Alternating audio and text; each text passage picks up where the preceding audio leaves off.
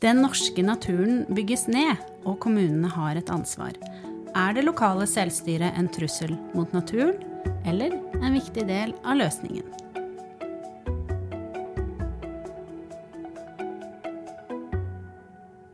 Dette er Der livet leves, og mitt navn er Ida Slettevold. Og jeg heter Jan Inge Krosli.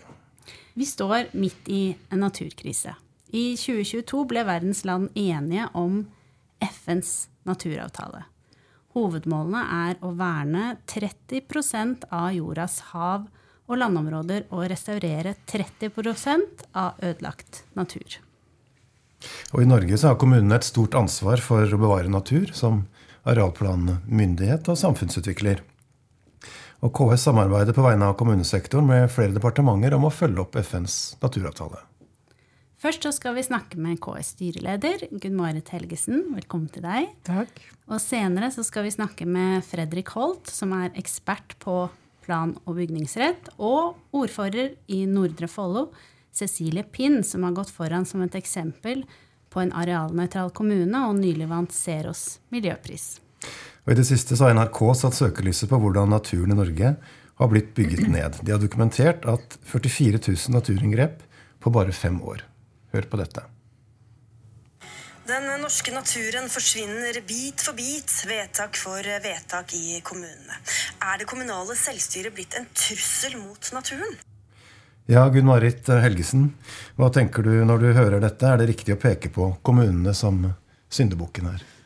Jeg har først lyst til å si at eh, NRK har gjort en god jobb med å kartlegge hva det betyr, eh, alle de ulike tiltakene som eh, vi vedtar, og hva det betyr for å bygge ned naturen. Og så må vi erkjenne at uh, vi har bygd ned for mye natur. Uh, og det er både stat og kommune sitt ansvar. Uh, så det tror jeg vi skal dele ansvaret på. og så vet vi jo da at kommunene er areal- og planmyndighet. og det er et stort ansvar. men det er også mange muligheter til å gjøre kloke beslutninger. Gitt at man da er bevisst ansvaret sitt og tar det lederskapet. Eh, så tenker jeg at vi trenger å skape nye arbeidsplasser. Vi trenger mer fornybar energi. Vi trenger kanskje nye veier, ny jernbane. Det er både statlig ansvar og det er et kommunalt ansvar. Og da må vi jo på en måte sikre at de beslutningene vi tar, er forankra eh, godt eh, med å ha innbyggerne med på laget. Hvis ikke så tror jeg det kan bli veldig mye konflikter. Det ser vi jo på, på noe fornybar energi med vindmøller og vindkraft. Så hvis ikke vi har med innbyggerne på laget når vi må gjøre endringer, så tror jeg det blir for høyt støynivå, og så tror jeg ikke vi får en god utvikling. Og Det er derfor eh, det å bygge ned det lokale selvstyret tror ikke vi er veien å gå. Så det er en del av løsningen? Det er en del av løsningen, ja.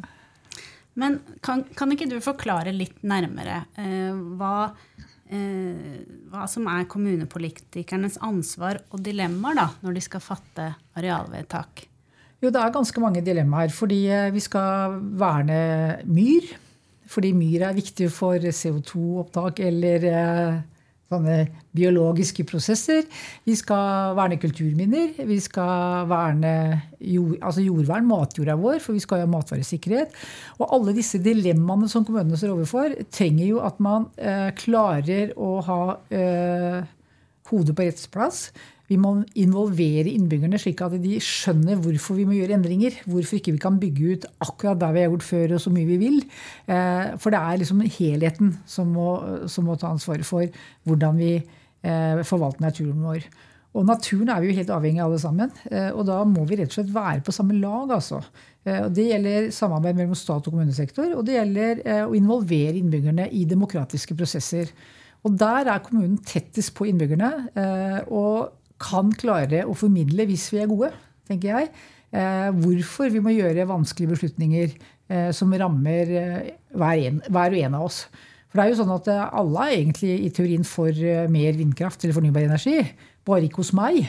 Mm. Og da går jo ikke samfunnet videre. Så det ansvaret ligger hos kommunene. Og det ansvaret tror jeg kommunene er beredt å ta. Min erfaring er jo at kommunene har klima- og naturhensyn veldig høyt på den politiske dagsordenen. Mer og mer for hvert år. Eh, og da trenger vi rett og slett Hva trenger vi da av si, samla kunnskap, eh, verktøy, insentiver for at kommunene kan gjøre gode beslutninger? Og det er jo det vi må finne ut av sammen, tenker jeg. Mm. For FNs naturavtale er jo veldig ambisiøs, akkurat som klimaavtalen. Og KS samarbeider med flere departementer om å følge opp naturavtalen. Og, og hva kan KS og kommunesektoren og, og staten gjøre sammen for å nå disse målene? Målene? Det må det endre, må endringer til? må det ikke? Ja, det må endringer til. Og jeg, nå har jo for så vidt både statsråden og to av statsrådene invitert KS til hvordan kan vi jobbe sammen for å nå målene i naturavtalen. For det er som du sier, den er veldig ambisiøs. Eh, og det kommer til å skape mye støy hvis ikke vi klarer å gjøre det på en god måte sammen. Mm. Og da må vi jo ha mye tettere samarbeid mellom kommunesektor og statlig nivå. Men så må vi også kanskje ha et enda bedre overordna kunnskapsgrunnlag. Eh, slik at eh, Et kartgrunnlag som gjør at vi vet Hvis man tar det arealet til fornybar energi, eh, må vi kanskje bygge opp et annet areal som på en måte kan bygge opp igjen natur. Så vi må bli mye flinkere til å ha gode beslutningsgrunnlag og kartgrunnlag, kunnskapsgrunnlag slik, som kommunen kan bruke.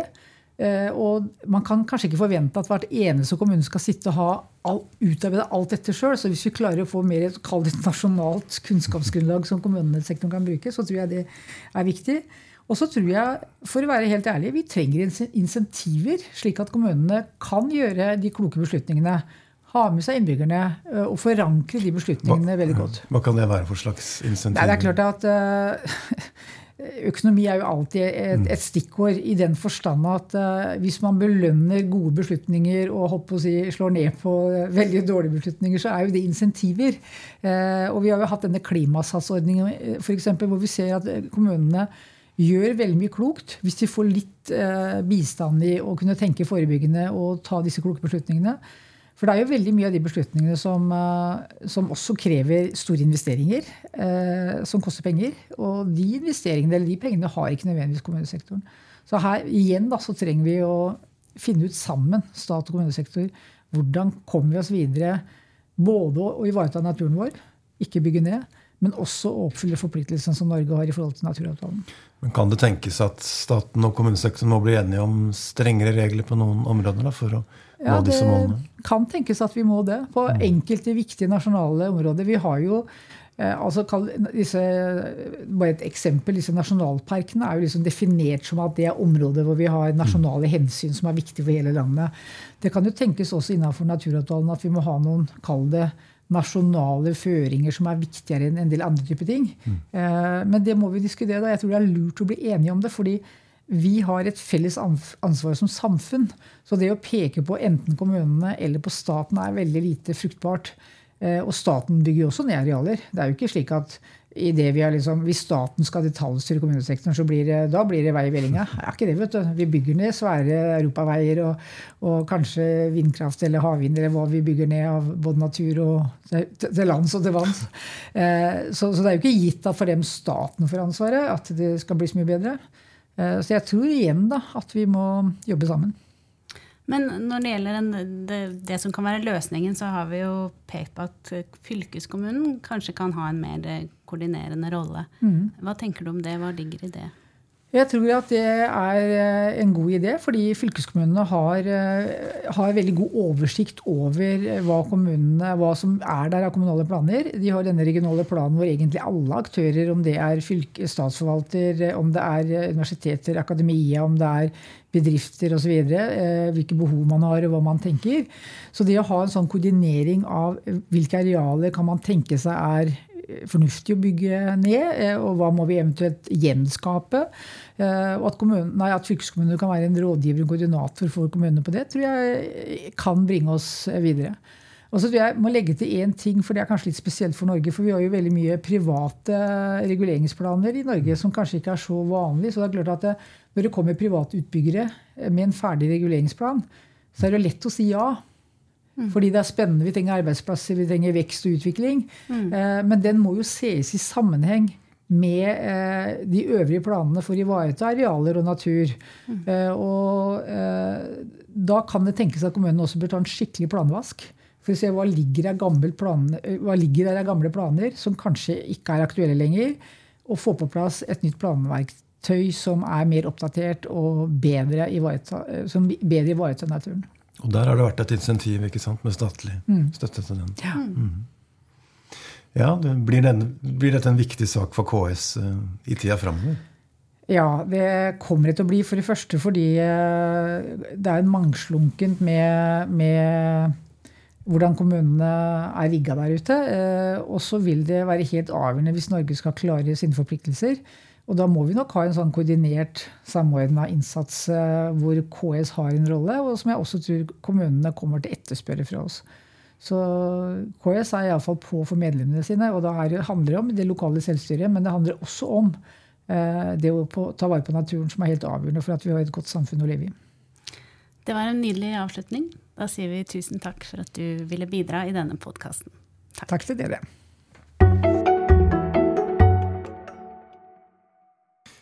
Fredrik Holt, du reiser rundt for å lære opp kommunepolitikere i plan- og bygningsloven for at de skal ta større hensyn til naturinteresser. Og, og hva mener du har sviktet her? Hvorfor bygger kommuner ned naturen, selv om de kanskje egentlig ikke vil? Ja, Det er et stort spørsmål du stiller der. Ja, kan du svare, svare litt kort? Ja, Det er kommunene som i det alt vesentligste vedtar arealplaner og gir tillatelser som åpner for nedbygging av natur. Og Det er derfor ikke til å komme utenom at kommunene i hvert fall har et betydelig ansvar. Men samtidig så bygges det jo ned mye natur gjennom statlige prosjekter som f.eks. veier, flyplasser, kraftlinjer og lignende. Men hvis vi skal løfte blikket litt, så tror jeg vi rett og slett står overfor en systemsvekt eh, når det kommer til disse spørsmålene. Altså De som er blitt satt til å bringe inn kunnskap i planprosessen og drive kontroll med planprosesser, er til stor grad blitt vingeklippet de senere årene. Og Jeg tenker da på den type myndigheter som er gitt mulighet til å fremme innsigelser i, i planprosesser. Men det er nok sikkert mange nye folkevalgte der ute, eller planleggere i små og større kommuner, som er kanskje litt i, i villrede nå. Så har du tre enkle råd her og nå for hva de kan gjøre helt konkret for å beskytte naturen i sin kommune? Ja, det tror jeg faktisk jeg har. Eh, og For det første så tror jeg det er viktig som lokalpolitikere å skaffe seg en oversikt over den arealbruken som finner sted i kommunen i dag. Og ikke minst også se på hvilke utbyggingsplaner som kommunene allerede har vedtatt. Det ligger jo et betydelig handlingsrom for kommunene til å endre og oppheve planer. Og hvis dagens kommunestyrer er av den oppfatning at tidligere kommunestyrer har truffet feil eh, vedtak, så har de i en stor grad mulighet til å rette opp i disse feilene. Og til orientering så har jo Klima- og miljødepartementet faktisk nylig bevilget 50 millioner kroner til å utrede og se på gamle planer med tanke på bedre ivaretagelse av natur. og Det er viktig for kommunene å være kjent med. I tillegg, et annet råd som er viktig å ta inn her, det er å vite at kommunene bestemmer. Eh, man kan alltid vurdere alternativer til den arealbruken som foreslås, f.eks. For hvis det kommer et privat eh, planforslag. Og Det er viktig for en lokalpolitiker å være kjent med at kommunen alltid kan si nei. Eh, det er viktig, fordi på den eh, måten kan også politikerne drive den politikken som Stortinget forutsetter at arealbeslutninger i stor grad skal handle om. Og så tenker jeg også Et siste råd som kan være viktig, litt i forlengelsen av det som var min innledning. Se på andre myndigheters innspill, herunder også innsigelser, som, eh, som, en måte å få kunnskap inn i beslutningsprosessene. Altså Se på nettopp den fagkunnskapen de ulike myndighetene bringer inn i en planprosess, eh, som eh, kunnskapsgrunnlag for videre beslutninger. Så ikke se på innsigelser som bry, bry og mas, men som en ressurs, eh, faktisk. Ja, nettopp. Eh, det er det lovgiver Stortinget i stor grad har sett på dette som. Ved at man har vært så tydelig på at det er fagmyndighetenes skjønnsmessige vurdering som skal legges til grunn med tanke på innspill i planprosess, og også ved vurderingen av om man skal fremme en formell innsigelse eller ikke. Det er fagkunnskap. Det er ikke juss, det er ikke politikk, det er fagkunnskap. Og det er jo helt sentralt å være oppmerksom på akkurat det poenget. Mm. Da sier vi takk til Fredrik Holt for at du var med oss og ga gode råd til kommunene. Allerede i 2019 så gjorde Nordre Follo kommune et vedtak om at kommunen skal være arealnøytral. og Det betyr at like mye natur som bygges ned, må bygges opp. Og vi har med oss ordfører Cecilie Pinn. Hva har dere klart å nå det målet? Eh, nei, det har vi jo ikke. Vi er ikke en arealnøytral kommune ennå, men vi jobber hardt for å få det til. Um, og vi har gjort mange gode tiltak uh, i riktig retning, vil jeg si. For dette var jo et, uh, et mål om arealnøytralitet. Det kom jo som du sa inn i kommuneplanen vår i 2019. som, hvor prinsippet er at vi skal gjenbruke og fortette områder som allerede er utbygd, framfor å bygge ned landbruksarealer og natur. Det er liksom hoved, hovedtema. Ja, og for dette arbeidet så, så fikk dere jo nylig Seros miljøpris. Men kan, kan, du gi et eksempel på hva dette har ført til i praksis? Mm, det kan jeg. Um, det har bl.a. ført til at vi uh, har uh, hatt en såkalt planvask. Det er det jo mye snakk om om dagen. og I forbindelse med den siste kommuneplanrulleringen så ble det tatt ut av kommuneplanen ca. 550 dekar. og Som da ble endret tilbake til enten vanlig grønnstruktur eller, eller LNF. Eh, og I den forrige kommuneplanen fra 2019 så ble det tatt ut ca. 1400 dekar på Svartskog, som også var, eh, som er en del i dette med å, med å ikke tilgjengeliggjøre arealer til bebygging. Da. Mm. Um, i, tillegg til, ja, I tillegg til det så har vi også eh, Når vi har kommuneplanrulleringen, så kommer det ofte inn planforslag. Og da eh, har vi alle disse nye forslagene som da kommer inn, de blir de blir sett opp mot eh, areal for, eh, arealnøytralitet, jordvern og dette prinsippet om at bebyggelse skal være tett på knutepunktene, kollektivknutepunktene. Så vi har en, en del grep eh, som vi gjør jevnlig. Mm. Jeg skjønner det sånn at dere har samarbeida med Viken fylkeskommune om, i dette arbeidet. Hvordan, hvordan har det foregått? Ja, Det er en, eh, et samarbeid med ja, det som nå er Akershus da, eh, om eh, areal- og naturregnskap. Og Vi deltar faktisk i to prosjekter som, hvor målet her er å utvikle eh, både et areal- og et naturregnskap. Eh, og det er eh, for å få oversikt, eller Vi vil ha dette regnskapet for å få en oversikt og en status over hvilket arealbruk kommunen har. Og også over hvilken type natur og hvilke naturkvaliteter vi har. Så det er eh, som sagt to prosjekter som går inn på noe av det samme. Da. Det ene er med som du nevnte, Akershus fylkeskommune. Mm. Så man får, Ved å, å, få den type oversikt, så vil man få en, et mye bedre kunnskapsgrunnlag. Og det vil gjøre det veldig tydelig å se eh, hvilke naturverdier da, som, vi, som, vi, vil tape på kort og lang sikt. Så dette er jo helt i tråd med eksempelvis den siste NRK-dokumentaren om, om naturbruk. Mm.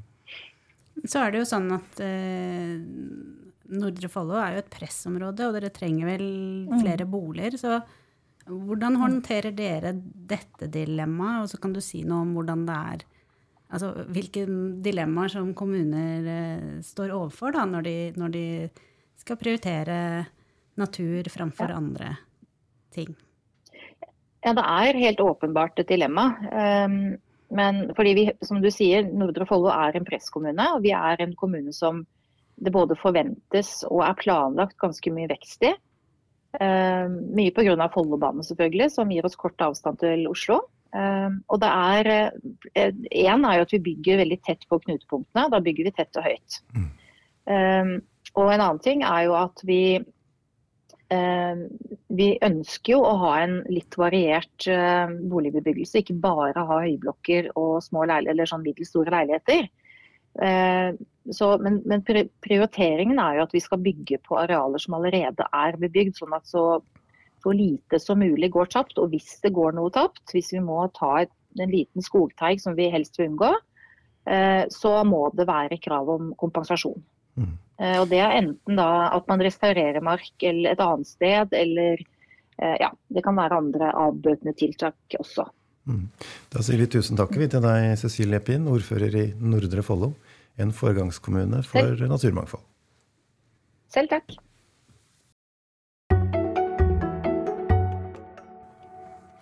Til slutt vår faste spalte hvor vi intervjuer nye ordførere. Og i dag snakker vi med Unn Elisabeth Tronstad Christiansen, ny Arbeiderpartiordfører i Inderøy. Velkommen. Takk skal du ha.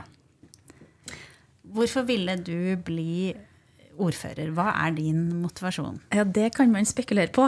Eh, jeg trodde kanskje ikke at jeg skulle bli ordfører. fordi at i kommunen jeg kommer fra, så har det vært Senterpartiet i ganske mange år. Så når jeg sa ja til å stille, så hadde jeg faktisk bestemt meg for inn i kommunestyret og kanskje formannskap. Og ville engasjere meg for eh, kommunen min på det viset. Og men klart når man får sjansen til å bli ordfører, så takker man ikke nei. Så det er et lite sjokk, men veldig hyggelig sjokk. Ja. Og en grunn til at du ble ordfører, går jeg ut fra, det er, at Arbeiderpartiet har funnet sammen med Høyre i Inderøy. Ja, stemmer. Det er ikke så uvanlig for så vidt, da, men det er litt uvanlig. Ja, det... hvordan, hvordan, kom det i stand, og hvordan fungerer det? Du, Vi hadde, vi hadde snakka litt på forhånd, jeg og han som er varaordfører. Eh, og vi har ganske lik politikk faktisk i Inderøy. Og vi var ganske enige om retning. Vi ønsker fokus på barn og unge og eldre, og for så vidt næringsliv. Og der er vi ganske enige. Så vi hadde jo snakka litt eh, og tenkte at hvis det blir sånn, så må vi ta et reelt møte. Og sånn ble det. Så vi er et radarpar, som de sier i Trøndelag. ja, og kommunesektoren står jo overfor store utfordringer, mm. men uh, ingen kommuner er like. Nei. Så hva er den aller største utfordringen i Inderøy kommune, slik du ser det? Ja, vi, vi sliter på lik linje med andre kommuner med rekruttering. Vi har for lite folk. Vi får ikke rekruttert, spesielt ikke innenfor helse. Så der er det store utfordringer. Vi er veldig mangel på sykepleiere. Sånn at vi har en rekrutteringsutfordring som vi håper at vi klarer å løse eh, i regionen, ikke bare Inderøy, men vi samarbeider godt med andre kommuner rundt oss. Vi må legge en strategi for hvordan vi skal få det til. Så det er, der har vi en stor utfordring. I tillegg så har vi jo uh, utenforskap. Uh, så klart at man kan jo se at kanskje vi kan få noen av dem som står utenfor arbeidslivet, nå til å komme inn da innenfor helse. Kanskje vi må tilby noe videreutdanning, eller er det noen som har litt arbeidshelse som kan hjelpe til litt? Mm. I tillegg så har vi òg en utfordring, eller utfordring, men vi har jo en del tar imot flyktninger Eh, og få dem ut i arbeid. Og det må vi satse på videre framover. Mm. Det snakkes jo om at det er et stort omstillingsbehov i kommunene. Hva, mm. hva, er den største endringen du ser for deg at dere må gjøre i din kommune? Du, vi har jo et stort ønske om å, å, prioritere barn og unge i forhold til det forebyggende aspektet.